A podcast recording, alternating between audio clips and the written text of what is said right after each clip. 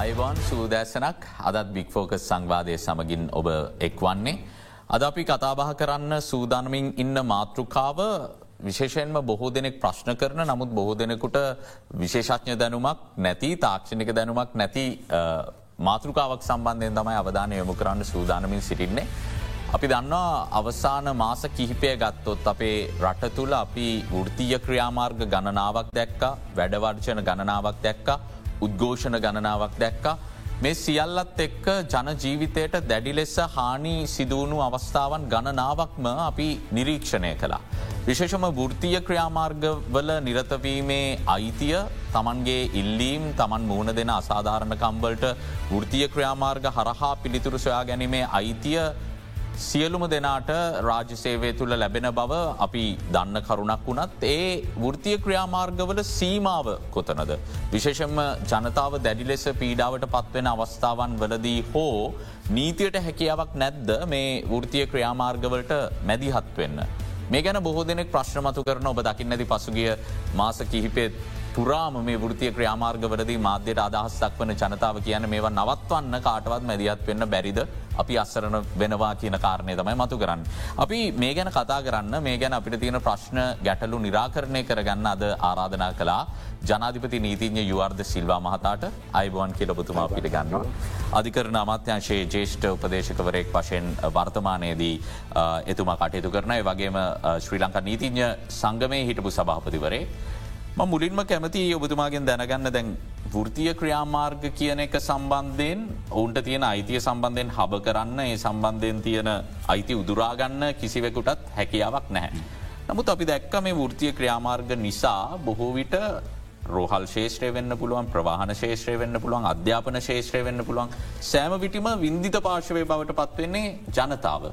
දැන් මේ නයිතික තත්වය පැහැදිලි කල් අපි ප්‍රවේශයක් ලබාගමු ජනාධිපති නීතිඥතුමනි කොහොමද කොයිතරම් දුරකටද ෘතිය අයිතිවාසික මවුන්ට ලැබෙන්නේ මේ ෘතිය ඉල්ලීම් දිනා ගැනීමේ සටන් දියත් කරද්දී. කල්දු මේකදී විශේෂම වැදගත් වෙන්නේ අපේ රටේ ව්‍යස්ථාව. තොට ව්‍යස්ථාවේ එක්ද සම්සය ඔය හැත්තාටේ ව්‍යස්ථාවේ තමයි ප්‍රථම මතාවට මූලික අයිතිවාසිකම් කියලා වෙනම පරිච්චේදයක් ඇති කර. තුර ඒ පරිච්චේදේ ඇතුළේ තියෙන දාහතරවෙනි ව්‍යස්ථාව පැහැදිලිව සඳහන් කරන දෙයක් තමයි එක්කේ අයට තියෙන මූලික අයිතිවාසිකම්. කතා කිරීම නිදහස ගමන් කිරීමේ සමාජයේ එකතුවසීම රැස්වීම තමන්ගේ අයිතිවාසිකම් දිනා ගැනීම මේ සියලුම දේවල් සකච්ඡා කරලා තියෙන. තකොට ඒ ඒ ආකාරයෙන් තමයි ඒ අයට ෘතිය අයිතිවාසිකම් කියරික ලැබෙන. ඒ වගේම කංකරු ප්‍රඥප්තිය එතකොට කම්කරුවන්ගේ අයිතිවාසිකම් ඒ වගෙන කතා කරනකොට රාජ්‍යතන්ත්‍රයේ විශේෂයෙන්ම යම් කොටස් කිහිපයකට හැර අනිත් අයට තමන්ගේ අයිතිවාසිකම් දිනා ගැනීම සඳහා ෘතිය අරගල කියලා ඒ පාවිච්චි කරන්නේ ඒ අරගල කියන වචන කෙසේ වෙතත් අයිතිවාසිකම් දිනා ගැනීම සඳහා ඒ අදාළ බලධාරීන්ට නැතන් රජයට බලපෑමක් කිරීමට යම් ක්‍රමවේද තියෙන. ඒ ක්‍රමවේද කාර්මික ආරවුල් පිළිබඳව කතා කරනකොට අනිවාර්යම ඒ ගැන සඳහන් වෙන එකන කොහොමද ඒ ප්‍රවේශය ගන්න. මුලින්ම සාකච්ඡාභාරයක් ඉට පස්සේ අර කියන නියමිත කාලසීමාවට පමණක් වැඩකිරීම ඉට පස්සේ ඒ අයට පුළුවන් ලෙඩ නිමාඩු දාලා ඒ විදියට කටු පිරෝධය ප්‍රකාශ කිරීම මේ විදියට ඇවිල්ල තමයි අවසාන තුරුම්පුුව නැත අවසාන ප්‍රතිකර්මය ඒ අයට ලබාගන්න පුළුවන් මෙනි වැඩවර්චනි. එතනදිත් කල්දු දැම් පොලිසිය හමුදා වගේයට නැතන් වෙනත් ඒවගේ ශේෂ රාජකාරවල දීරයට ඒගොලන්ට වච්චන කරන්න බැහැ. ඒ ඒ තියෙන තත්වේ යටතේම ඒගොලන්ට හඳුරලා දිය තිනවා ඒගොල්ලො අනිවාරයම අත්‍යවශ්‍ය සේවාවල නීතවේ. නමුත් සමහර දේවල් තියන ඔබතුමා දැන් කීප පිළිවලට කල්දෝ එකනේ යම් යම් රාජ්‍ය සේවාවන් තියෙනවා ඒවා මහජනයට කෙලින්ම බලපානවා. නමුත් ඒවා අත්‍යවශ්‍ය සේවාවන් කියලා නම් කල්ලනෑ. එනිසා ඒ අයට ඒ අයිතිවාසකම් ලබාදිය තිනි මහිතනවා රජයක් ඒ අයිතිවාසකම් ලබාදීල තිබීම වැදගත්වෙන. නමුත් ඒ ඒ අයිතිවාස්කදන් අපි කතා කිරීම නිදහස ලබාදීල තියෙනවා කියල කල්ලු අපි ඒක අනිත් අයට හානිකර විදිහට සමාජයට හෝ පුද්ගලින්ට හානිකර විදිට පාච්චි කනවන් ඒ අයිතිවාසිකමක් නෙමේ දැ නිදහස වල්බූරු නිදහසක් එතන නැහැ. ඒම කරන්න බැහැ. ඒක තමයි අපේ ව්‍යස්ථාවයෙන්ම දාහතරේසේ තියෙද්දී පහලව කියන ව්‍යස්ථාව වෙනම සකස් කරලා තියෙන. ඒක නිකං අතැල්ල දාල නෑ. ඒක ගැන කතා කරනවා හොරයි. ඉති ඒක නිසා ඒ පිළිබඳව කතා කරන්න ඕන අවශ්‍යතාවයක් තමයි මේ තියෙන්. එකන අපේ ඒ සෑම නිදහසක්ම එක්තරා සීමාවක් දක්වා පමණයි. ඒ සීමාව වෙන්නේ අනිකාට කරදරයක් නොවෙනතා කල් තමන්ගේ අයිතිවාසිකන් දිනා ගැනීමට ඔහුට අරගලයක් කියලා හරි නැතම් අයිතිවාසිකම් පිළිබඳව කටයුතු කරන්න පුළුවන්. ඒක තමයි මේ කරනවා කියලා කියන්නේ නමුත් ඒක වෙන හානිකර තත්ත්වය ඉතාම බැහැන්ක.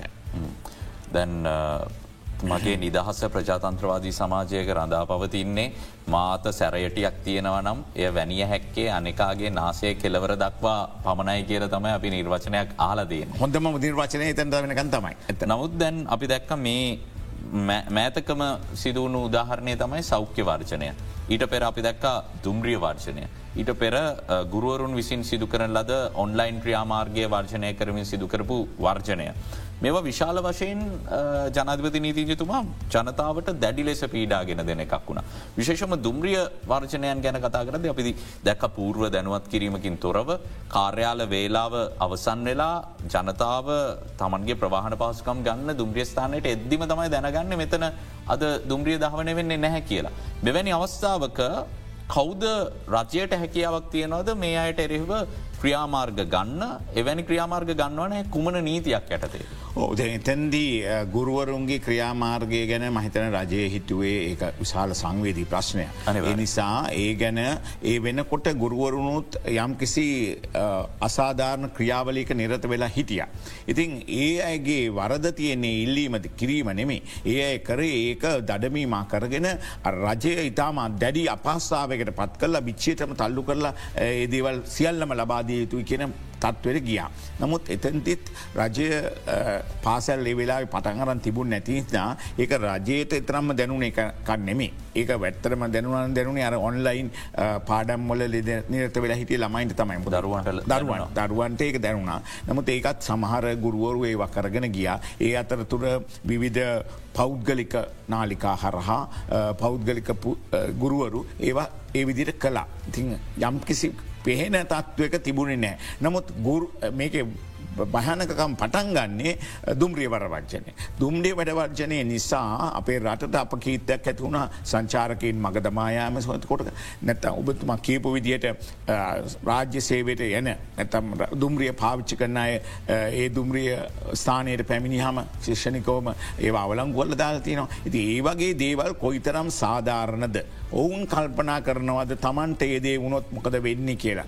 තොට කෘීරු ලෙස හැසිරීමක් නොවෙයිද. මේ තත්ත්වය උඩ ඒ අවස්ථාවේදී රජයට තිබුණා අත්‍යවශ්‍ය සේවා අර මාදැන් කියන්න යන පනත අනුම ඒක ඉදිරිපත් කල්ලා ඒක මැඩ පවත්වන්. නමුත් ඒකත් යම්තාත් දුරට බලාගෙන හිටිය කියල ම හිතන්නේ රජය. ඊට පස්සේ මේක විලාස්ථාවක් හැටියට අරගෙන මේ අනුව කටයුතු කරන්න ගත්තා විදුලිය සහ කියන සෞඛ්‍ය සේව. සෞඛ්‍ය සේවය කාටත් ලෙඩක් කියන එක දැම්.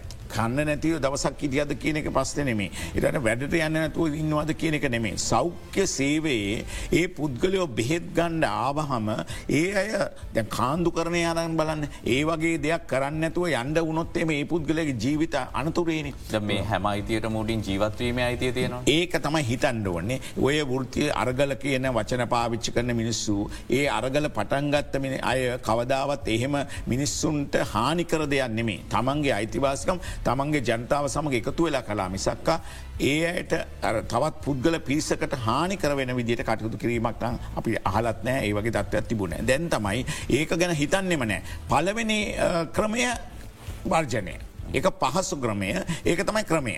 කොට එතන්දී දැනුන්දීමක් කරන්න ඕනේ ඒ පිටිවන් සාකච්ඡාව තියෙන්න්න ඕනේ ඒ දේවල් කලාද නැද්ද කියන එක විධ කතා තියෙනවා රජේ පාශවෙන් කියෙන ඒගොලු කිසි දෙයක් කියන්න නැතුව කළේක අනිතය කියෙන අපි දැනුදුන්න කන්දුන්නෑ කියලා ඕවගේ දෙපැත්තර කියනවා. තැන් එත ඒ වගේ අවස්ථාවක මොකක්ද කළ යුතු වන්නේ. දැන් එතනි තමයි අත්තදා බැලීමක් හැටියට නීතිපත්‍ය පාත්තුමේන්තුව මේ ගැන අධ්‍යයනය කරලා මා කියපු විදිහට යම් සීමාවෙන් එපිටට ගිහිල්ලා මේ වෘතිය අයිතිවාසිකම් දිනා ගැනීම තුළින් ජනතාවට හානිකර තත්ත්වයක් මේ සෞඛ්‍ය සේවාව නිරත වෙලා ඉන්න පුද්ගලයන්ගේ ඒ ක්‍රියාවලිය නිසා වෙනවා කියන එක දිසාධිකරණයට ගිල්ල අපේ රටේ කොළඹ දිසාධිකරන්නේ දිසාවෙන සුරතුමා ඉදිරිපිට මේ ඉල්ලීම කලා. ඒ ඉල්ලීම කරලා ඉවල මේක තවදුරටත් පවත්වාගෙන ගිය හෝත්. ජනතාවට වෙන ඉතාම දරුණු හානිකර තත්ත්වය පෙන්නාදීම මත ඒ දිසා වෙනසුරතුමා වාර්ණ නියෝගයක් එක එක පාට සදාකාලිකෝ දාන්නට බැහැ එක යම් කාලසීමාවකට දාන්න පුළන් ඒ කාලසීමාවට දැමුව. ඒ දැමුවට පස්සේ මෙම අය ඒක දැමුණු බව දැනගත්තටත් ඒ අය නීතියේ තියෙනවා. ඒ පාරණ නියෝග මේක ඉස්සරහිට මේනද කළ එතකොට තාක්ෂණය දියුණු නෑ. මේ වගේ විවිධ නාලිකා හරහා මේ පණිවිඩ යන්නේ නෑ. පත්තරවලින් ඒවා යන්නේ නෑ. ති එනිසා ඒ පණි නියෝගය ඒ අදාළ පුද්ගලයාගේ අතට භාරදී යුතුයි කියෙන නීතිමේ සංකල්පයක් තිය. එට ඒ සංකල්පය දැන් වෙනස් වී යුතුයි කියලා මං කල්පනා කරනවා ඒක ජනමාධ්‍ය හරහා ප්‍රසිද්ධ ජනමාධ්‍යය හරහා ඒක ප්‍රචාරයට පත් කලාට පස්සේ එහි වරද නිවැරදි තත්ත්වය සොයා බැලීම ඒ පුද්ගලයා සතු කර්තාවයක් කලොත් ඔය ඔක්කොම නමතිනවා. කෙසේ වෙතත් ඒවා ඉගෙනගත යුතු පාඩ. ති මේ අය ඒකට මවා වෙලා තව දවස් ගානක් ගෙනච. එතකොට එතන්දී වනේ මොකක්ද මේ තත්ත්වය කාලනයෙන් තොරව යන බව තේරවා. ඉළඟට පසුව අවබෝධ වනා මේ එක පුද්ගලයකුට පමණක් මේක ඉදිරිපත් කිරීම තුළ අනිකුත් ෘතිය අයිත් කණ්ඩායමින්නවා විවිධ සාමාජික සංඛ්‍යාවන් සින්න. ඒ අය විධ මතවලින් ප්‍රකාශ කරමිකව මේක එයාට විතරයි තියෙන අපිට නෑ එ අපි කරගනයන්. ද ඒක ඇවිල්ල තමන් දැන දැනම මේ කරන්නේ ක්‍රියමද්ද කියන එක අර පාලකයා පීඩාවට පත් කල තමන්ගේ අයිතිවාසිකම් දිනා ගැනීම සඳහා කලඳු කරන ලද ක්‍රියාව ති මෙතන තවදුරට බලාගෙනන්න බෑ රජය දකිනවා වෛද්‍යවරුන්ට කොත්තර උමනා තිබත් කරන්න බැහැ. වෛද්‍යවරයාට වඩා මේක වැදගත් වෙනවා මේ රෝහලේ දිනපතා ප්‍රතිකාර කරගන්න එනායට ඒ දේවල් ලබා දෙන්නේ රෝහල් සේවාවේ නිරත වෙලසි සහයකින් සත්කාරක සේවය හෙද ඒ නැතුව වෛද්‍යවරයට වැඩ කරන්න බෑ. ඉළඟට සමහර වෛද්‍යවරු නෙමේ ඒව කරගෙන යන්නේ. නොකඩවා කරන බෙත් තින කලිනික්කොල්ට යනවා කිය ඒ ගිහිල බේත් ගන්න එක ඒ මිනිසු කරන්න ඕනේ වෛද්‍යවරයා ගෙන්නෙමේ අවෂධ වේදන අන්න හරි. ඒ වගේ අයගින් ඒගොල්ලු පැත්තකට උනහම මොකක්ද වෙන තත්වේ. ති මේ තත්වේ නිසා තමයි කල්දු රජය විසින් දෙදස් දෙසිය හැටහය ඇලේර පනස් පහදරන එක්දස්නම්සිය හැත්ත නමේ අංක හය අත්‍යවශ්‍ය මහජන සේවා පනත යටතේ. ඒ පනතේ ඒ එක්දසම්සය ඇත්තන මේ පට ජයජයවදන ජනාධිපත්තුමාගේ කාලෙද ඒක පනවනකොට මේවා බල්ල තමයි ඒ කළේ නොකොඩවා ඒගොල්ලුත් බඩවර්ජන ක්‍රියා රැල්ලක් එන්න ගත්තාම මේ පනත ගෙනාව. තොට ඒකෙන් අත්‍යවශ්‍ය සේවා මොනවාද කියන එක හඳුරුණ දීරතිය. ඒ අත්‍යවශ්‍ය සේවා කියන එක පොදුවේ. නිර්ණයනය කරලා තියනෙ මහජනතාව තමයි එතන්දී පැහැදිලි උළුප්පල තියෙන්. තුර මහජනතාවට සේවාවක් කරදීම සඳහා. ඒ මහජනදාවගේ ජනජීවිතයට බලපාන යම් දෙය තැම්ප මාර්ග ප්‍රවාහන සේවේ ජනජීවිතයට බලපාන. තොට ඒ වගේම මහජනතාවගේ සෞඛ්‍ය කියන එක ඉතා අත්‍යවශ. එකට බලපාන. එවැනි මහජන සේවාවක් නැත මහජනයාගේ ජනජීවිතයට හානිකර තත්ත්වයක් ඇතිවෙනවා යයි. ජනාධිපතිතුමාට හැඟී යන ඕනෑම වෙලාවක මේ පනතයටතේ එතුමාට පුළුවන් ඒ අදාළ වෘතිය අත්‍යවශ්‍ය සේවා කැරි නම් කර. ඔන්න ඕක තමයි මේ පනතින් කළේ. තුර ඒක නම් කල්ල ගැසට්ක ඉදිරිපත් කළහම කලින්දු ඊට පස්සුව අත්‍යවශ්‍ය සේවා පනතමයි ක්‍රියාත්මකවේ. තුර ඒක තියෙන පටිපාටිය තමයි අනුගමනය කරන්න. තුර ඒවැනි දෙයක් කරනකොට ඒ පනතෙම සඳහන් වෙනවා කල්දු ඒක දින දාහතර කාලෙකට තමයි මුලින්ම එන්නේ. දැන් අත්‍යවශ්‍ය සේවාවක් විදේ නම් කරම ජනාතිපත නීතිජතුමනි සිදුවෙන්නේ නිවාඩු අවලංගුවීමක් සිදුවෙනවාද? නැත්නම් ඔවුන් අනිවාරයෙන්ම තමන්ගේ සේවා මුරයට අදාළව අනිවාරයෙන්ම සේවයට පැමිණීම අනිවාරය වනවද? මොකක් දෙතන විශේෂ හේතුවක් සඳහන් කරන්න බැයිනට රෝගී තත්වයකින් වන කරන අමාරු එවැනි තත්වයකින් තොරව එයට නිවාඩු ලබාගෙන පැත්තකර වෙලා ඉන්න බැරි තත්වයක් ඇති කරනවා. අනිවාර්යම මේකට ප්‍රාභාගි විය යුතුයි. ඒතකොට ඒ අයට ඒකට වියතිරේ අවස්ථා තියෙන්ට පුළුවන්. ඒ තමන්ගේ ළඟම ඥාතියකුගේ මරණය. එතකොට තමන්ට රෝගී තත්ව ඒ වගේ දේවල් පසුවට එන්න දෙකන එක වියතිර. ඒ ළඟමින් ආයතන ප්‍රධානයාගේ අනු දැනුම්මත නිවා කරන්න පුළුවන්. ඒවා අනිවාරයෙන් තිය නමුත් අත්‍යවශ්‍ය සේවා කරහම අපට හිතුමතේ යම් යම් දේවල් කරන්න බෑ. මේකට තමන් කැපවෙලා ඉන්නවා. මේදේ කරන්න. ඒ නිසා මේ තත්ත්වය ඒක පනවල විතර කරයන්න නෑ කලඳු. ඊට පසුව ජනාධිපත්තුමාගේ ඒ නියෝගය පාලිමේන්තුට ඉදිරිපත් කරන්න ඕන දින දහයක් ඇතුළට. දින දහයක් ඇතුළට පාලිමෙන්තු කැඳවන්න දිනයක් තිනවන ඒ දහ ඇතුළට එන ඕන දිනයට පුළ ඒමනත්තම් පාලිමෙන්තෝ කැඳවන්න ඕන විශේෂ නියෝගයකින් පාලිමෙන්තු කැඳවල මේක දැනුන්දීලා ඊට පස්සේ ඒක මසක කාලයකට දික්කර. නැත්නම් දින දහයයි බලාත්මක වෙන් නෑ දින දාහය තුළදි කරන්න ඕනේ දින දාහතරකින් අමලං වෙලා. පැදි. එතකොට දැන් රජයට අවශ්‍යනාවෙන් නැත්තන් දැම් මේ වටික අවශ මේ වර්ජනය ඉවරන දින දාහතර කාලය යනකොට පාලිමෙන්තුර නොකඳ හෝ ඒ අවලංගුවෙන් ඉද එක ඉබේ අවලංගුවෙන කෑහල කියන්න ඕන්න එතොට එක ඉබේ අවලංගුවීම තොට මාසකට පසුවත් කලඳු තවදුරටත් මේ තත්වය ඉදිරියට යනවනම් එතකොට කරන්න තියෙන වැඩේ මාසකට ඉස්සල්ලා මාස පව්ුවෙන් ඉස්සල්ල නැවත පාලිමේන්තුවට මේ ඉදිරිපත් කරන්න ඕනේ. එහෙම නැතිවුණොත් අර මසක් කාලය පහුවෙනකොට ඉබේම අවස්සි වෙලායන්. ද මේ අත්‍යවශ්‍ය සේව ගැසට නිවේදනය නිකුත් කලා කියලා ජනාධිපති නීතිජතුමා මුන් වර්ජනය අත්හැර දැමුවේ නෑ දැන්. ඒ දිනේදී වර්ජනය අත්හරන්න හේතු වනෙත් දෙපාර්ශවය අතර පැවති සාකච්ඡාවලින් තමන්ට අවශ්‍ය මැද තැනකට අපට එන්න පුළුවන් වුණා ඒත් අපි අත්තරන්නේ දින දාහතරක කාලයකට කියල්ටම අත්තැරිය. එතකොට අත්‍යවශ්‍ය සේවා ගැස නිවේදන නිකුත් කලා කියලා මුන් මේක නවත්තන්න නැත්තන් ගැස නිවේදනෙන් පලක් නැති වෙන. මේක නිකුත් කරට පස්සේ තව මොනාදීට සමාන්තරව ක්‍රියාත්මක විය යුතු අංශ. ඒගොල පාච්චකන වචන් දින්ද හතර කියනෙන තුර ඒගොල බලායිනවා එක පාර්ලිමෙන්තුර මේ දායිද. මංකිවේකන දහයක් ඇතුරත පාලිමෙන්තුර ගිය නැත්තං දින දාහතරෙන් එවීම අවසි වෙලා යන බව දන්නවා. එනිසා ඉගොලු කියන්නේ හරි අපි දාහතරක තමයි මේක බලාගෙන නවත්තගින්. තුොට පාලිමෙන්තුවෙන් සම්මත වුණ සම්මත වෙනවා. පාලිමෙන්තුව පවතින රජයට පවතින සංයුතියත් එක්ක. ඒක මසකට කල් යනවා. ඒ කැන මසකට දික්කවන බෞතරයන්න අවශ්‍ය වෙන ඕ සාමාන්‍ය බෞතර එතුට මසකට අනිවාරයම ඒක ඉදිරියට යනවා. ඒ ගැන ප්‍රශ්නයන්න නමුත් ඒගොල බලාඉන්න පාලිමෙන්තුව රජය කැඳවයිද නැද මේ ගැවිලාර මේ කැටන් මවස් ගේම් කියල කියන ඒ වගේ බලා කවුද මේක දිනන්න කියලා බලාගන්න. එතකට දැන් තමන්ගේ තියෙන අර මානසික තත්ත්වය. ඒක නැතික ඒක පරාජයට පත්වේදෝ අපි මේ අකුල ගත්තොත් කියලා ප්‍රශ්නයක් ඔය ඉන්න නායකෙන් ඇතිවෙලාතිය. ති ඒකොළු සාධාරණව කතා කරනවන. අපි දැන් මේක පේනවා මේක ප්‍රගතියක් තියෙනවා. එනිසා මේ වෙලාවේදී අපි ජනතාව වෙනුවෙන්. රජී කියනවට නෙමේ ජනතා වෙනුවෙන් මේක අපි අතාරනවා කියන එකන වටනාකම අපි නීතිය පැත්තක දම්මු. නමුත් නීතිය මේක පසුපස ඉන්නවා. ඒ අය යම් කිසි අවස්ථාවකදී මේක ක්‍රියාත්මක වෙන වෙලාවෙදී එසේ නොකර කල්ගත කලා නං නීතිපතිතුමාට මේ ගැන බලලා ඒ අනුව ක්‍රියාත්ම කරන්න පුළුව. කොහම දේ නයිතික තත්ව පැදිලි කරගත්තුත් එක් එක්කට වෙන වෙනම නඩු පවරන්න සිදනද. මේකෙද කල්ද සමහර භෘතිය සමිතිවල නිසිටින ඒ සාමාජිකයෙන් මේක දන්නේ නැතුවයි කියලයි මන හිතන්නේ. මොක දෙකට හේතුව ඔවුන් හිතන්නේ මේ අර්ගල කලාම ඒතික ලැබෙනවා එච්චරයි. මේ අත්‍යවශ්‍ය සේවා පනත යටතේ මේ වගේ අත්‍යවශ්‍ය කාර්තාවයක් තියෙනකොට එක කඩ කරනවා නම් ඒ පුද්ගලයන්ට විරුද්ධව මයස්ත්‍රත් අධිකරය නඩු පවරන්න පුළුවන් කල්ු. ඒ නඩු පැවරීම තුළ ඔවුට අවුරුදු දෙකේ සිට පහදක්වා සිර රඩුවමකුත් ඒවගේම රුපියල් දෙදහය සිට පන්දහ දක්වා වන දඩ මුදලකුත් නියම කරන්න පුළුව. මේක අපි දඩ මුදල ගෙවල ගෙදර යනවයකම මේක භයානකම තියෙන්නේ ඒ වරදකරු වුණ වහාම මයස්ථාත්තුමාට බලයක් දීර තියෙනවා පැමිල්ලෙන් එක ඉල්ලුව ගමම්ම සලකා බලන්ඩ මේ අයගේ තමන්ගේ සතුව තියෙන චංචල නිශ්චල දේපර රාජ සන්තක කරන්න. ඊට අමතරව රැකියාව අහිමිවෙන්ට. ුත් තමන් ෘතිය කටයුත්තක නිර්ත වෙලා සින්නවන ඒ ෘතිය කටයුත්තෙන් අහිමිවීමේ සාධක මේක තියෙන ප්‍රවණතාවේ තියෙන. තුළ ඒ වෙලා වෙදී තමන් මේක දැනගෙන හිටිය නෑ. මම ෘතිය සමිතියක සාමාජිකෙක් විතරයි මම නෙමෙයි මේවට නියෝග දුන්නේ ඒකොළු නියෝග දුන්න හිද අපි ගියා.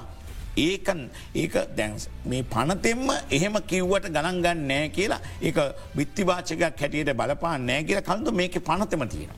තොර එහෙම වුනාම ආය අධිකරණයකට කිසි දෙයක් කරන්න බෑමකොද අධිකරණයට එක කියන්න ආවත් අධිකරණයට කියන්න සිද්ධ වෙනවා. ඇතකොට තමන් දැනගෙන ඉන්ඩෝනේ නීතිය. මේ නීතියම තියෙනවා. තමන් සාමාජිකෙක් වුණ පලියට බේරීමක් වෙන්න තමන් සාමාජිකෙක් වෙලා යන්නම් බාලිකයාට මේකෙන් බේරෙන්න්න බෑ. තමනුත් ඒකට වග කියන්න වෙනවා. මේ විදිහට නීතිය ගැන කතා කරද එල්ලවන චෝදනාව තම මේ සියල්ල ඉතාම දැඩි මර්ධනකාරී නීති කියලා වෘතිය ක්‍රියාමාර්ග මර්ධනය කිරීම සඳහා අන්ඩුවට මෙවලම් විදිර පාවිච්චි කරගන්න පුළුවන් නීති කියලා. තකට ඔවුන්ගේ ඉල්ලීම් සාධාරණනම්. මේ නීති යොදාගෙන අම්මයෙක් සාධාරණ වෘතිය අරගලත් මර්ධනය කරන්න හැකියාවක් තියෙනවා මේක ක්‍රියාත්මක වීමේ ප්‍රශ්න තියෙන්නේ. දැ මෙතනදී ඒ අපිට බලන්න පුළුවන් වෙන්න මේක ක්‍රියාත්මක වීම තුළමනේ. දැ පටන්ගත්ත ගමන් ඒදේ කළේ නැහැ. හරිද? එතකොට දැන් ජනතාවගේ භයානකම තත්වටාවේ නිසා තමයි අත්‍යවශ්‍යයව ප දැ මේක කියන්න බැරි මෙන මෙතරයි දැ ඒක සාමානය සමාජ මාධ්‍ය ඔස්සේ වෙන වෙන පුවත් පාත්වල කතු ඇකිවලින් හරි ඒ කියන එක නෙමේත බලන්න ඕනේ ආපු පිළිවෙල. ගුරුවරුන්ගේකට තිබුණ මේ කරන්න තිබුණ කරේන. ඉට පස්සේ ඊළඟ දේ පස්සන තමයි විශේෂයෙන්ම ප්‍රවාහන සේවට කරන්න තිබුණ. කළේ නෑ. විදුලියත් හිතු හිතු ගනන් ඔල කරනවල් බලාගෙන හිටිය. දැන්ඒක බලාගෙන්ට බැරිතත්වක රැවිල තියෙන. විදුලිය භයනක කම කියන්නේ අතුරු කමිටුවක් පත් කර එක් අවස්ථාවක දිවයිනට විදුලිය කප්පාදුවක් ගැන හොයන්න. ඒක කඩාකප්පල්කාරී ක්‍රියාවක් කියලා අතුරු කමිටුව දැන් කියලා තියෙනවා. ඒ අනුව ජනතාවගේ විදුලිය සම්බන්ධයෙන් සැපයුම කඩාකප්පල්කාරී ක්‍රියාවක් නිසා යම්මයෙක් මැදිහත් වෙලා ඒක උදුරගෙන ජනතාවගෙන වෙච්ච දෙකුත් නෑ අනිවාර එතන තම ප්‍රශ්නමතු ද මේ වගේ වෙලාවක කලදූ දැන් නීතියෙන් මොනොහරි එයට කරන්න අවශ්‍ය නම් වෙන කිසි පනතක තැනත් නැහැමේකට මේ අත්‍යවශ්‍ය සේවා යටතේ පමණයි ඒ කරන්න පුළුව. ඔවුන්ගේ රැකියස්ථානවල ඒ ප්‍රධානීන්ට යම් බලපෑමක් වනවද නැති කියල එක රැකයා ගිවිස්සුමත්තික යන. මෙතනදී මේ වෙන ක්‍රියාවලට දැඩි ලෙස ක්‍රියා කරන්න නැතුව තියලා ෘත්තිය සමිති අරගල කියලෙවල නිකම්ම හිටියොත් ජනතාවට වෙන දේ ගැනද රජයක් කල්පනා කරන්න ඕනේ. මේ කියන ෘත්තිය සමිති ක්‍රියාකාරිත්වයට ඉඩදීලා යම්තාත්දුරට ඒක ඕන්ට වැඩිය සීමාවෙන් නික්මවා යන වෙලාවෙදී රජයක් හැටියට එක මැදිහත් විය යුතුද. ඉති මේක නිකන් තර්කයක් පමණ හැමවටම පේන දෙයක්තම මිනිස්සු ඉල්ලා සිටියේ ඇයි මෙතරම් ප්‍රමාද වෙන්න කෙති රජයකට තාවට ගියාට දේවල් කරන්න බෑ. එක්කන කීපුවඩි ඒවා කෝම බලලයිවල් දැන් මට දැනගන්න ලැබුණ කැබිනැත් එකේදී මේ වෘතිය සමිති අරගල සම්පූර්ණ තහනම් කරන්න කියලා යෝජනාවක් ගන්න. ඉති ඒක කරන්න ආවට ගියට බෑ. ඒවට සීමාවල් දැමීමක් කරන්න පුළුවන් වෙයි. නමුත් අරගලය කියන එක හෝ නැතන් අපි වචනේ පැත්තක දැම්ම අරගලය කියන අයිතිවාසිකම් දිනා ගැනීම වලක්වීම සඳහා මහිතන කිසිසේත් මේ දිහත්වීම සූසු නැහැ. ඒක මැදිහත් වෙනේ නැහැයි කියලා ඒකෙන් ආමේගුරු නිකන්න දැන් ඉන්න කියලා ඒකට විරුද්ධව නැගේ සිටලා අර සම්පූර්ණ ජනතාවට වන හානිය වලක්වන්ඩ රජය පියවර ගණ්ඩත් ඕන. හොදයි අපි අද කතාබහ කරමින් සිටින්නේ බොහෝ දෙන ප්‍රශ්න කරමින් සිටි මාතෘකාවක් සම්බන්ධයෙන් මේ වෘතිය සමිතිවල ඉල්ලීම් කොපමන සාධාරණද ඒ වෘතිය සමිති අරගලවලට ඔවුන් ඇයි එල්ලඹුණේ කියන කාරණය සම්බන්ධයෙන් අපි මෙතන කතාබහක් කරන්න බලාපොරොත්තු වෙන්නේ නෑ. නමුත් ජනතාව විමසමින් හිටපු ප්‍රශ්නයට නයිතික පැත්තෙන් පිළිතුරු ලබාදීම තම අද බික් ෆෝක සංවාධය අරමුණ බවට පත්වෙලා තියෙන්නේ මොක ජනතාව ඇහුව මේ නවත්තන්න විදිහක් නැද්ද කියලා. මේ නයිතික ක්‍රමවේදයන් ගැන අපි කතා කරන්න කෙටි විරාමයක් ලබාදෙන් තා බෝධය තියෙනව විමසන්න අපි විරාමය අනතුරුව විමස.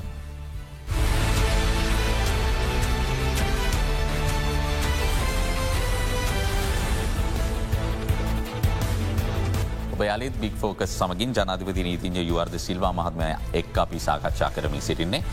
දැන් ජනාධිපති නීතිංජතුමනි ගරු අධිකරණය මේ වෘතිය ක්‍රියාමාර්ග මර්ධනය කිරීමේ අරමුණින් ක්‍රියාත්ම ගුණා කියල කාටවත් චෝදනා කරන්න බෑනේ. දැන් දිසාධිකරණය නියෝගයක් ලබා දුන්න වාරණ නියෝග දෙකක් ලබා දුන්න එකක් කැදවුම්කරුට අනිත්ත කවුගේ වෘතිය සමිතියට මේ ජනතාවට පීඩාවන ආකාරයෙන් සිදුවන වෘතිය සමිති ක්‍රියාමාර්ගවල නියලෙන්න්නට එපා කියලා. තුට මං කැමති දැනගන්න පැහැදිලි කරගන්න. මොන නීති යටතේද ගරු අධිකරණය මේ නියෝගය ලබා දෙන්නේ නීතිපතිවරයක් කුමන නීතිය මත පදනම් වෙලාද මේ ඉල්ලීම ගරු අධිකරණයෙන් කරන්න. දැඟතොට සාමාන්‍ය වාරණ නියෝග පිළිබඳව අපේ සිවිල් නඩු විධාන සංග්‍රහය පැදිව සඳහන් කරලා තියෙනවා. තොට ඒ වාරණ නියෝග ලබා ගැනීම සඳහා අධිකරණයට ගිහිල්ලා පලවෙනි වතාවේ ඒ අදාළ පාර්ශවය අධිකරණයේ ඒ අධිකරණය දැනෙන විදිහට.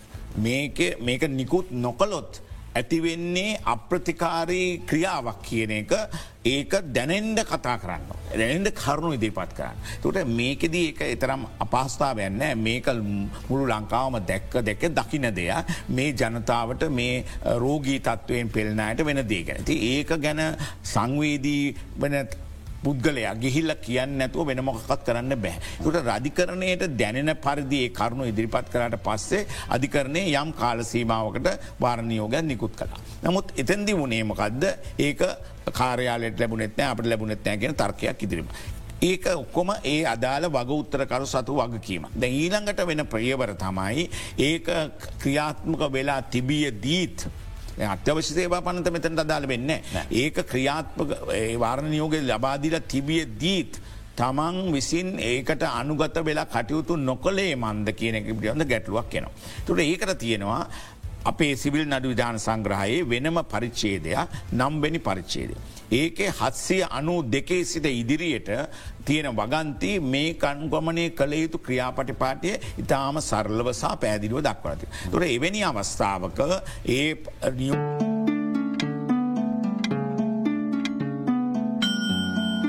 ෆෙක්සල් හයිජන් බෝස්ටර්ස් නොපෙනෙන විෂපිච මට්ටුවේ පෙනෙන පැල්ලම් ඔට්ටුයි. නෝගෙට පටහැනිව ක්‍රියා කරලා තියෙනවා නං කලඳු ඒ පුද්ගලයා අධිකරණට ගෙනල්ලා එයාට විරුද්ධව චෝදනාවක් ඉදිරිපත් කරන.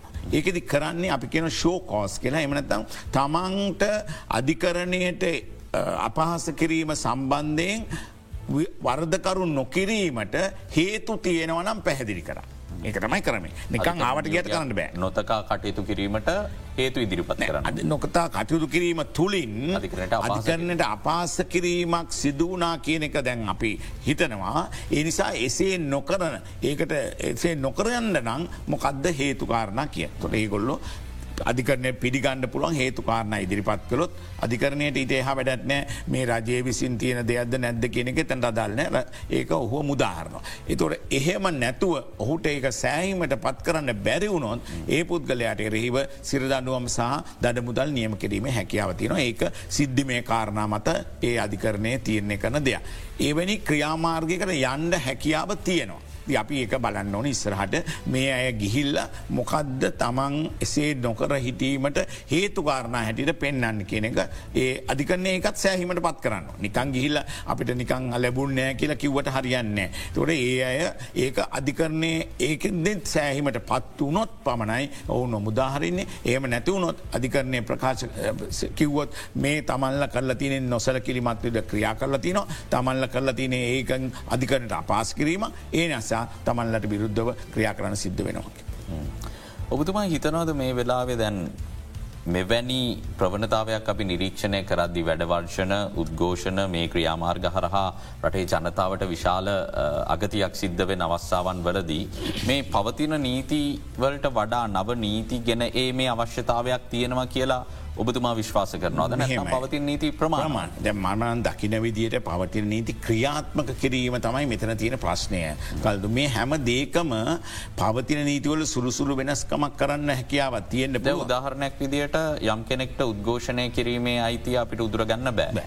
නමුත් ගාලු පාර හරස් කරලා විභාගයට යන ළමයින්න වෙලාවක රැකියාවට වෙලාවට ගේ නැත්තම් පඩිකැපෙන ජනතාව තමන්ගේ රාජකාරිස්ථානයට යන වෙලාවක පාර හරස් කරගෙන කවුරර ඉන්නව නම් ඒක උද්ඝෝෂණයක්ද නැත්තම් වෙනමක් ඒක මහජන පීඩාවක්. ඒවට විරුද්ධෝ ක්‍රියා කරන්න පුළ ඒක නීති තියෙනවා. ඒ නීතිය තියෙන ප්‍රතිපාදන අනුව ඒයට ක්‍රියාත්ම කරන කිසිේත් ප්‍රශ්නයක් වෙන්න උතන වෙලා තියෙන්නේ කලදු සමහර වෙලාට පොලිසිය දෙසරැක් හිතනවා. මේ අයට විරුද්ධව ගිහිල එක පාට ඔවුන් අත්තඩංගුට අරගෙන ක්‍රියා කලාට පස්සේ ඊළඟට වෙන ප්‍රතිකර්මය ඊළඟට වෙන මොකක්ද වෙන්නේ? දේශපාලනික අනුවරක් තුර දේශපාලනක ඒ නිර්ත වෙලා ඉන්න ඇදන්නවා මෙවැනි තත්ත්වයක් උඩ ගිහිල ඇවිස්සුවත් තමයි අපට යම් කිසි තත්ත්වයක් ඇතිවෙන්නක දැ මේ වැයදී ඔය කියන දේශපාලනය නිරත වෙලා ඉන්නයි. මෙවැනි වාතාවරණයක් තුළ ඒ අයට පුළුවන්කම තියෙනවා තමන්ගේ තියෙන වෘතිය සමිති හසුරෝගන්න.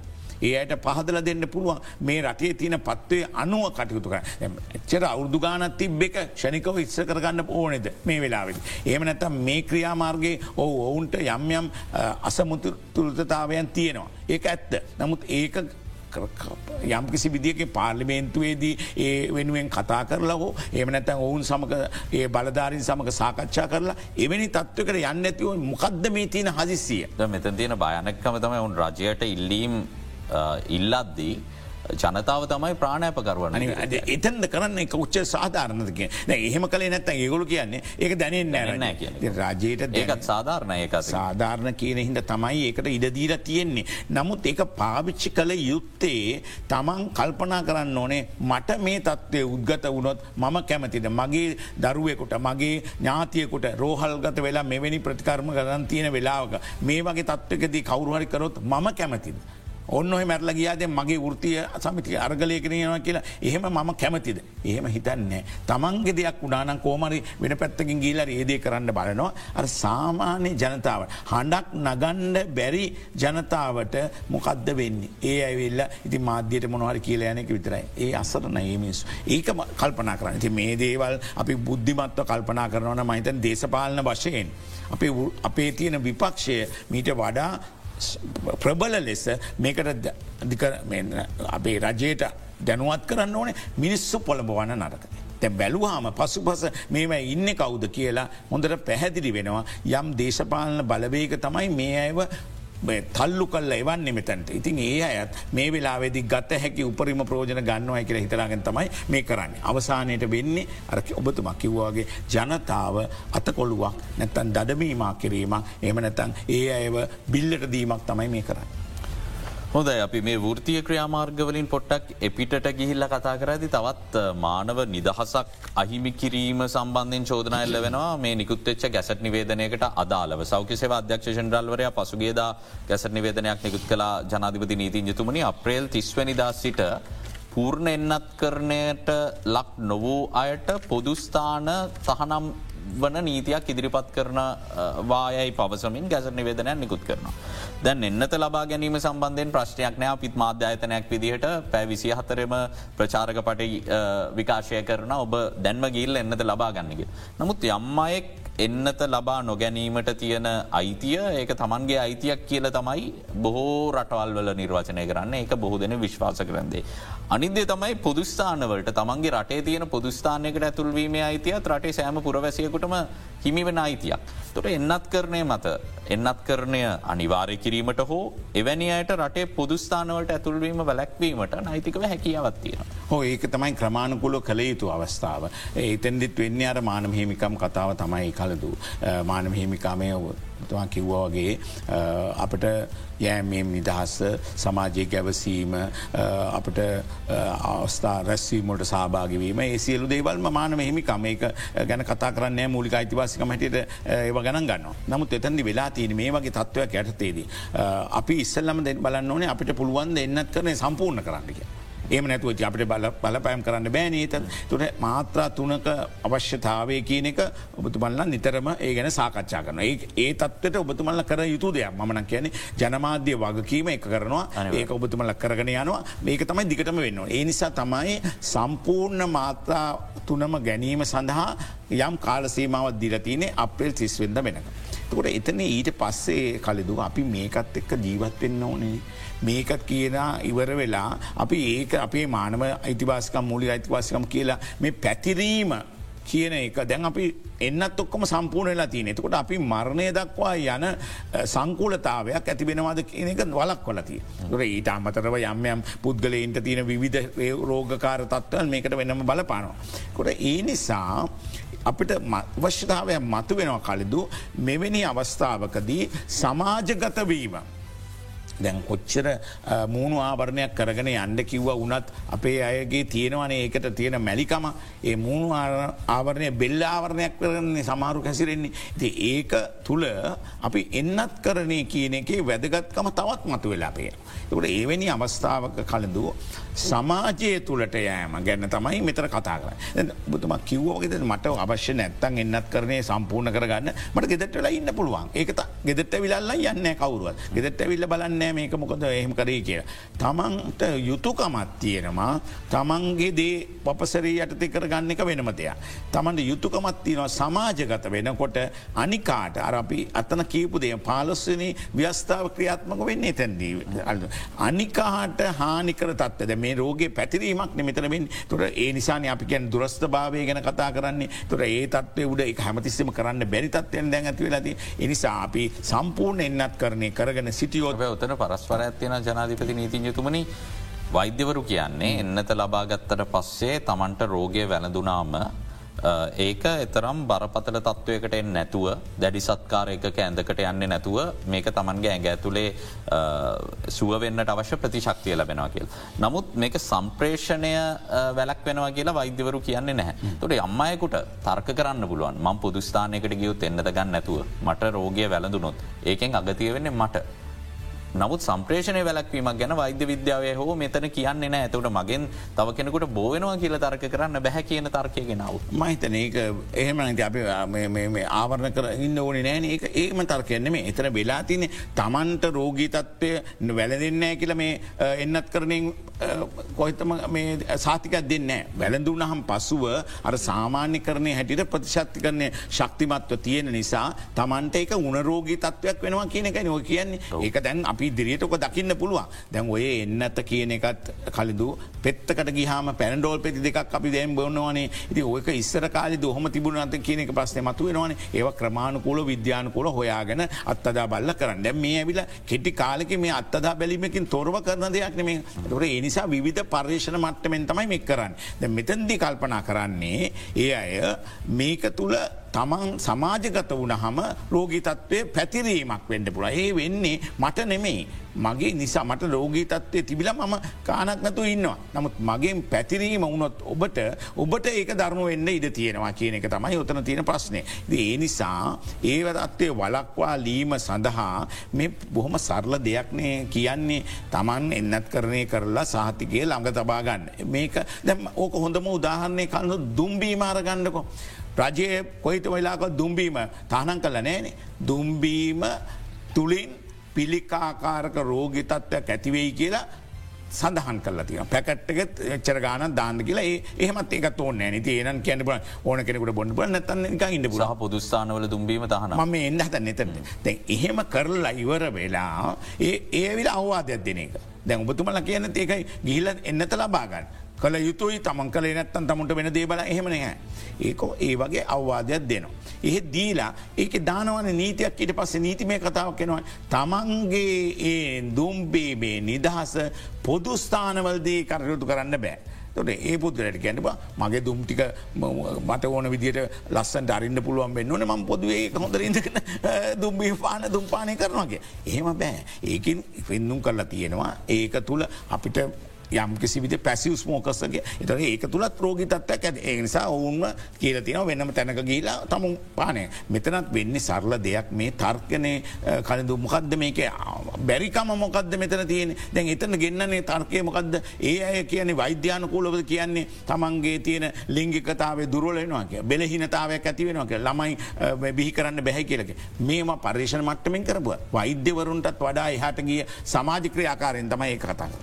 ඇබ තමහරට ඒ ඉන්නත් වනම අරඟවෙන්ට පුළුවන්. ඇබයි තමන්ට මොනහරි දාන්න ඕනුවට ඒ දෙකිය එහෙම තම හොඳ නෑ ඒ දේව. මංහිතනවා වෛද්‍ය විද්‍යාවෙන් කියනවනම් මේක තියෙනවා භයනක්කමක් කියලා. එතන තියෙනවද රජයට තිතන්න දෙයක්. නමුත් මෙතන වෛද්‍ය විද්‍යාන කූලව ඉස්සල්ලම කල්පනා කරල බලන්න ඕනේ අපි මේක දැබා දෙනමද රජේ ඒම නැතුව කියන්න බෑ රජයට. එනිසා තමයි මේක ප්‍රමාදයක් සිද්ධ වුණේ. දැම් පුළුවන්තරන් කියන බූස්්‍රයක ගණ්ඩ කිය ඒ අරගත්තර පස්සේ ඒන් ඒතුන් ඒසන සම්පූර්ණාම කාඩ් පතත් දෙනවා. ඒකේ කලින්ඳු තව වැදගත් දෙයක් තියෙන. යම් කිසි විදිියකින් ඒ පුද්ගලයාව මුදාහැරීමක් කරලා තියෙනවා එකන ඔහුගේ රෝගී තත්වය උඩ ඔගේ ශරීරයට එක ගැලපෙන් නැති තත්වය උඩ සෞඛ්‍ය සේවා අධ්‍යක්ෂව ජනරාල්වරයා ඒ මුදාහරීමේ සාතිකයක් දෙනවා.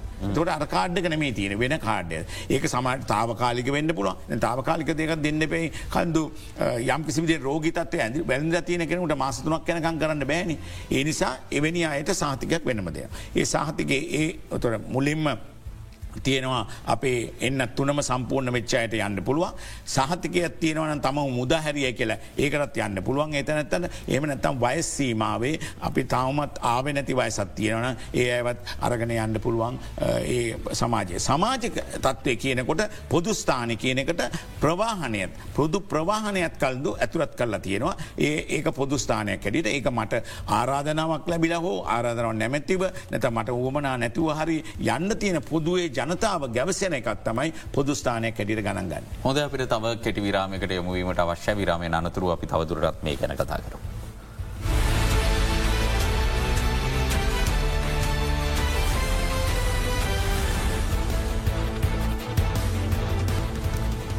ජනතිප නීතිඥතුමනි දැන් පොදුස්ථාන නිර්වචනය කිරීම කියන ප්‍රශ්නයට තම මං ඊළඟට එන්න හිටේ දැන් මොනවද පුදුස්ථාන කියලා නිශ්ිත වශයෙන් ගැසට නිවේදනය මේ වනතෙක් පල කල්ලා නැහැ. ඇතිනවා එකන පොදු ස්ථාන කියනක එක දෙක තුන හතර දාන්න බෑ. පොදු ස්ථානය යනුවෙන් අර්ථ නිරූපණය වෙන්න මොකක්ද කියන එක මයක තමයි ඔබතුමට මුලින් අපි විරාමට අන්නිස්සල කිවේ මට ආරාධනාවක් ලැබිල ජනතාවත ගවසන් තැනකට යන්න පුළ ආරාධාව නැතුව යන්න පුළුව එහමනත මගේ රාජකාරි මට්ටමෙන් යම් තැනකට යන්නම එකින් අවසාන ප්‍රතිඵලය මහජනයා ගැවසෙන තැනක් පොදුස්ථානයක් ඒ වගේම ඒ පොදුස්ථානයට මහජන ප්‍රවාහනසේ වැත් අයිතික. විශේෂම සෞකිසේ අධ්‍යක්ෂෂෙන්ට්‍රල්වරයා පසුගේදා කිවේ මේ ගැන අප්‍රේල්තිහට කලින් දැනුම් දෙන්නම් කියල පොදුස්ථාන නම් කරනවද නැද්ද කියන එක ඒක තත්ව නිර්වචනය නිර්වාචනය ඇතන තියෙනවා. ඒවැන් ඇඟවෙන්නේ මොනවාතගේ ස්ථානද කියන එක පිළිබඳව සෞක සේවා අධ්‍යක්ෂණරවල පසුව නයකර මොකද මෙතැදි ගැසත් පත්‍රයෙන් කරන්නේ දැනුන්දීම පමණයි කල්දු. ඊට පස්සේ සෞඛ්‍ය සේවා අධ්‍යක්ෂවරයාට සිද්ධ වෙනවා මේක ක්‍රියාත්ම කරන්න. තුර ක්‍රියාත්ම කරනකොට පොලිසියට නිර්ණයක දෙන්න ඕනේ. දැන් මේ නීතිය ක්‍රියාත්මක වෙන්නෙත් නිරෝධහන ආඥා පනතට අනුව අනුව විතරක් නෙමේ මම දකින විදිහට අපට තවටික කෙහාට යන්න පුළුවන්. දණ්ඩනී සංග්‍රහය දෙසිය හැට දෙක වගන්තිය තියෙනවා. යම් කිසි කෙනෙක් නොසල කිලිමත් ලෙස රෝගකාරණ පැතිරෙන අවස්ථාවක් ගැන මොද මේ දණ්ඩනී සංග්‍රහය පැනව එක්ද සරසය ගණන්වල. ඒ කාලෙ තුළදීත් අපේ රටව ලෝකයේ තුළම රෝග මේ බෝවෙන රෝගී තත්වල් තිබුණ. තුර ඒ වගේ දේවල් ගැන සරකල බල්ල තමයි නොසල කිලිමත්වන නිරෝධන පනතත් ඒ සමානව පරණ පන්නත. නමුත් ඒක දණ්ඩනය සංග්‍රහයෙන් ඒ පිළිබඳව දඩුවම ලබාදීම සඳහා ඒකට වගන්තයක් ඇතුරත් කල තින තට ඒ වගන්තියත් සලකා බැලීම කරන්න පුළුවන්. මේවා දැම් වර්තමානයේදී ඔබ දකිනව ඇති නීතිරි මේ අපේ තියෙන රෝගිකාරක කොන්දේසිවට පටහැනියනකොට පොලිසි කරන හොඳ වැඩක්. ඒ ඔක්කොම් පරික්ෂා කරබල අවවාද දීලා ඔය මින් පස්සේ මේ කරන්න එපා කියෙන පිට කල යවන. ඒක එක ප්‍රායෝ නැත්තන් ඒ දස්ගානකට නඩුදානම කියෙනක ලේසි වැඩ නෙමේ. ඉති ඒ වගේ තත්වල්ලට අපි හුරුපුරුදු වෙයි ඉස්සරට දැන් අපි යන පිටට යනකොට මොකක්ද තත්වය කලඳු තර අපේ ලංකා විතර නෙමිනේ අපි පිටට යනකොට ඉස්සර ඔබතුමට මතක ඇති ඇගිල් ලකුණ ගැන කියනකොට මේක විකාර පස්නයක් මේක ගන්න එපා මේ අපේ මූලි අයිතිවාසක නැතිවෙන ඒම කරන්න දැන්ගේ හම්මොකද අපිට කිවම් තියන්න තිය කියලනවා.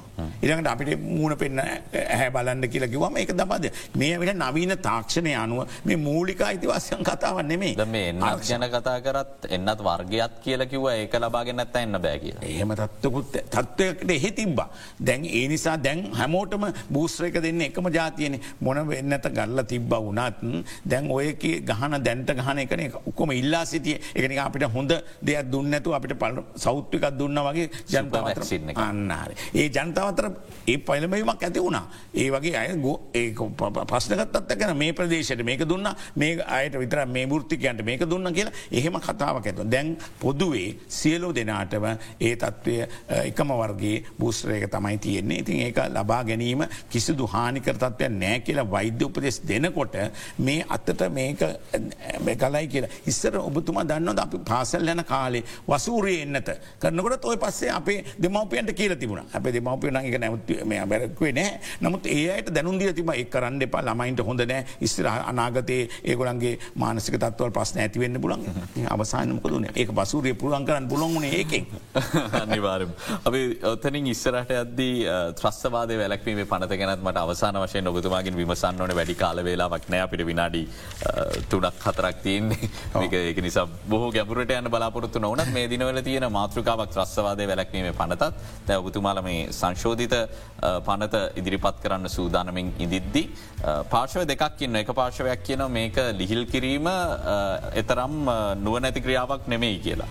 තව පාර්ශවයක් කියන උන්කෙන මේක මීටත් වඩා ලිහිල්වෙන්න ඕන මේක ලිහිල් වෙලා තියෙනවා මදි කියලා. මං කැමති ඔබතුමාගේ දැම් බලන්න ඒහම ආවාම මොකද රජයක් කැරට කරන්න වෙන්න කියලා? අධික නැමත්තුමා එතකොට විදේශ ඇමත්තුමා තම මේක සම්පූර්ණ මගකින් බරන්තිම ඉති විදේශනතුමට ඒවගේ දේවට හරි මදිගස් තත්කට එන්න වෙනවා අනිවාරය ති මා කල්පනා කරන්නේ තිබුණු පනත අපි දකින අදකි මට එක්දා සම්සේ අසුනාමේ හිට මේක අදැකීම තියෙනවා. පොද ඒ කාලේ ජවිප ප්‍රශ්න උඩ අනවශ්‍ය ලෙස මිනිස්සු අර්ගන ඒ වගේ පෙළඹීමකට පත් කලපු දේවල්තිය වර්තමානය අපි දකිනවා. නිසා එක්ද සම්සේ හැත්තනමේට මේ පනතේ වෙනසක් ඇතිවෙන්න මොන්. මාස දහටක කාලය දොළහකට ගෙල්ල තියෙනවා එක හොඳ ප්‍රවණතාව. දොළහතුවල දීත් යම් කිසි කෙනෙකුට හානිකර තත්වයක් ඇතිවෙලා තියෙන අනවශ්‍ය ලෙස අරගත්තොත් ඒ ඇයට ශ්‍රේෂ්ඨාධිකන ගීල මූලික අයිතිවාසිකම් නඩුව පවරන්න පුුව ම එතන්ට ඉතරම් කැමති නෑ මොකද යාපනය පැත්තේ මනුස්සෙක්ව එහෙම ගත්තොත්. තිරකුණා බල පැත්ති ගත්තොත්. ඉළඟට මේ දකුණු පත්තෙන් එක්කෙනෙක් ඇත පලාතෙන් ගත්තොත් එම. ඒ අය කොහොමද ශේෂ්ඨාධිකරණයට මේවට එන්නේ. ඒ ඒ අසරන තත්වට පත් කරන එක ගැන නැවත සිතන්ඩ ඕනේ. අධිකරණයකින් ගන්න ඕනේ අධිකරණය මහාධිකරණය ඇවිල්ල දැන් අභ්‍යාචන පවා විසඳෙන පලාත්බද මහාධිකරන තියෙන. තමන්ට සමීප ස්ථානයකට ගිහිල්ල මේ මූලික අයිතිවාසිකම් නඩු අපි නිතරම කතා කරන දෙයක් කලින්ඳ මූලික අයිතිවාසිකම ශේෂාධිකරන පමණ සීම කරන්න එපා. ඒක ව්‍යස්ථාව සම්බන්ධ දේවල් ඇත ඇරුණහම අනිකුත් දේවල් පලාත්බද මහදිකන දෙන්න කෙර තවට මෙතන දෙනවන සම්මානය අපිට වටිනාකමත් තියන කියලම කද මේ පනතෙන් සිදුවන අගතියක් ගැන අපි නිරන්තරෙන්ම නිරීක්ෂණය කරන එකක් තමයි මේ යටතේ ඇවිල්ලා දැන් මම දන්න හිතවත් කෙන මාව කියලගේ මාව අත්තරගුට ගන්න ත්‍රස්සවාදය වැලක්වීම පනත යටතේ. ඉටවස පොලිසිය මාව රැඳවුම් නියෝග මත ආරක්ෂක ලේකම්බරයාගින් ලබා ගන්න රැඳවුම් නියෝග මත දිනානුවකට රැඳවුම් භාරයට ගන්න. මහෙස්ට්‍රත් අධිකරණය හමුවේ ගියාට පස්සේ ගරු මහෙස්ට්‍රත්වරුන් කියන ත්‍රස්තවාදය වැලක්වීම පනත යටතේ ගත්තට පස්සේ අපිට ඇපලබාදීම හැකියාවක් නෑ කියලා. තුර පොලිසියට විශාල බලයක් හිමි වෙනවා මම ත්‍රස්වාදයට සම්බන්ධ වනත් නැතත් ඔවන්ගේ හුදු සැකය මත දින අනුවක් මව සර කල තියාගන්න. ඕ ඒ කලඳ ඒකට සීල් දෙසියක් මං එකකයි ඒක ඔබතුමා නිකංකී පුදාරන්නනෙම එක වෙනවා. ඕනෑම වරදක් සම්බන්ධයෙන් අත්තඩංගොට ගත්තහම පොලිස්තෙල්ට හරියකුට අවශ්‍ය නං ඉදිරිපත් කරන්න පුළුවන් මේ පුද්ගලයා සම්බන්ධයෙන් ත්‍රස්තවාදී වැලැක්වීම පනත යටතේ අපි විමර්ශන කරගෙන යනවා කරුණු හෙල්දරව්වීම සාකිනෑ කරුණු හෙල්දරව්වමින් තිබෙනවා එනිසා මොහු පිළිබඳ පරීක්ෂ කරන්න මේමර අන්දවතය. එතන්දි මයිස්තත්තු මල්ල සමහර මයිස්තත්තු මල්ලා කොළඹ මයසත්තුමල්ලා ඒක ගැන දැඩි අවධානයෙන් කටයුතු කරනවා. අපේ ශේෂ්ඨාධිකරණය කියලා තියෙනවා මේ පොලිස් නිර්ධාරයෝගේ මනස සතුටු කරන්න. ඔවුන් ඉල්ලන ඉල්ලීම ඔක්කොම නිකන් දෙන්න එපා. යාන්ත්‍රික ඔබතුමාගේ රාජකාරි කරන්න එපා කියලා ශ්‍රේෂ්ඨාධිකරන අඩු නියෝගතියද. සාක්කි එකතු කර ගන්නා තුරු ඔවුන් රඳවන තියාගන්න එපා කියලා අභ්‍යාචනාධිකරණය කියලා තියෙන. ඉති මේ දේවල් මහිස්තත්තුමල දැනුවත්ව ඉන්නවා සමහරු බයයි ඒ ක්‍රියාත්ම කර. මේ පොස් පොලිසිය ගිල මේ තස්තවාදී වැරැක්ව පනත දැම්මාම එතන හට ඒ බීවාර්තාව දැන් අලුතෙන් මේ ඊය පෙර දන්නට ඉදුව කාවා අභ්‍යාචනාධි කරන්නේ ඒක ඉතාම වැදගත්දයක් ඒක යන්නේ බීවාර්තාවේ. හෝ වැඩිතුර වාර්තාවෙන් ඒ පුද්ගලයාට එරෙහිව තියෙන සාක්‍ය සම්පීඩනය ඉදිරිපත් නොකොළොත් මයිස්තත්තුමාට ක්‍රියාත්ම කරන්න පුළන් ඕනෑම් පනතක් කැර. ති ඒ තත්ත්වය මයිස්තත්තු මල්ලෑඟට ගන්න ඕනේ. ඒ අනුව ක්‍රියාත්මක වෙනවන ඔය ප්‍රශ්නය විසඳ ගන්න බොහෝදුරට පුළුවන්. තොර මාස දොළහක කාලයකට තියනවා. ඉට ඇප ලබා ගැනීම ඔබතුමා ඇව්ව වගේ ඇප ලබා ගැනීම ඉස්සර තිබේ නීතිපතිතුමාගේ අවසර නැතු ඇප දෙන්න නෑ. කොයිත මේකත් ප්‍රායෝගය කරන්න බෑ. මොකදකට හේතුව නීතිපති දෙපාත්මේන්තුවට කලින්දුව නිකං ඇවිල කියන්න බෑ අපි අපදීමට විරුද්ධ නෑ කියලා හරි මොකක්හරි කතාව. ඒකට හේතුව ඒ අදාල ඔක්කොම අයිබිකන IBක්ස් එමනත උද්ෘත පොලිස් උද්දුර සියල්ල යවන්ඩෝ.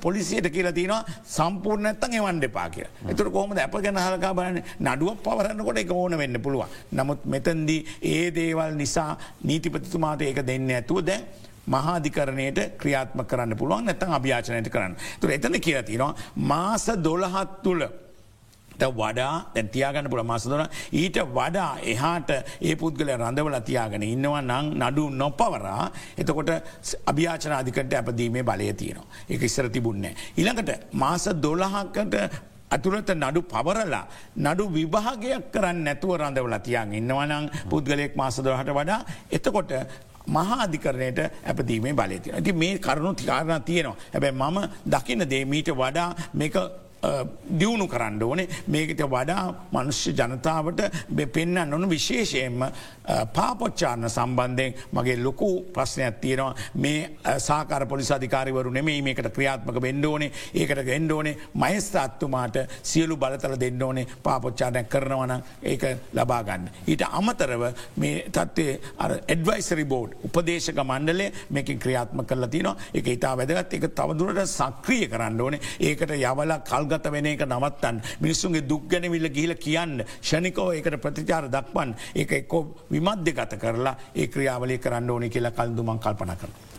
හොද අද ප්‍රධාන වශයෙන්ම අපි කතාබහ කළේ මෙ වෘතිය සමිති ක්‍රියාමාර්ග සහ ඒවෑ සීමාව පිළිබඳව.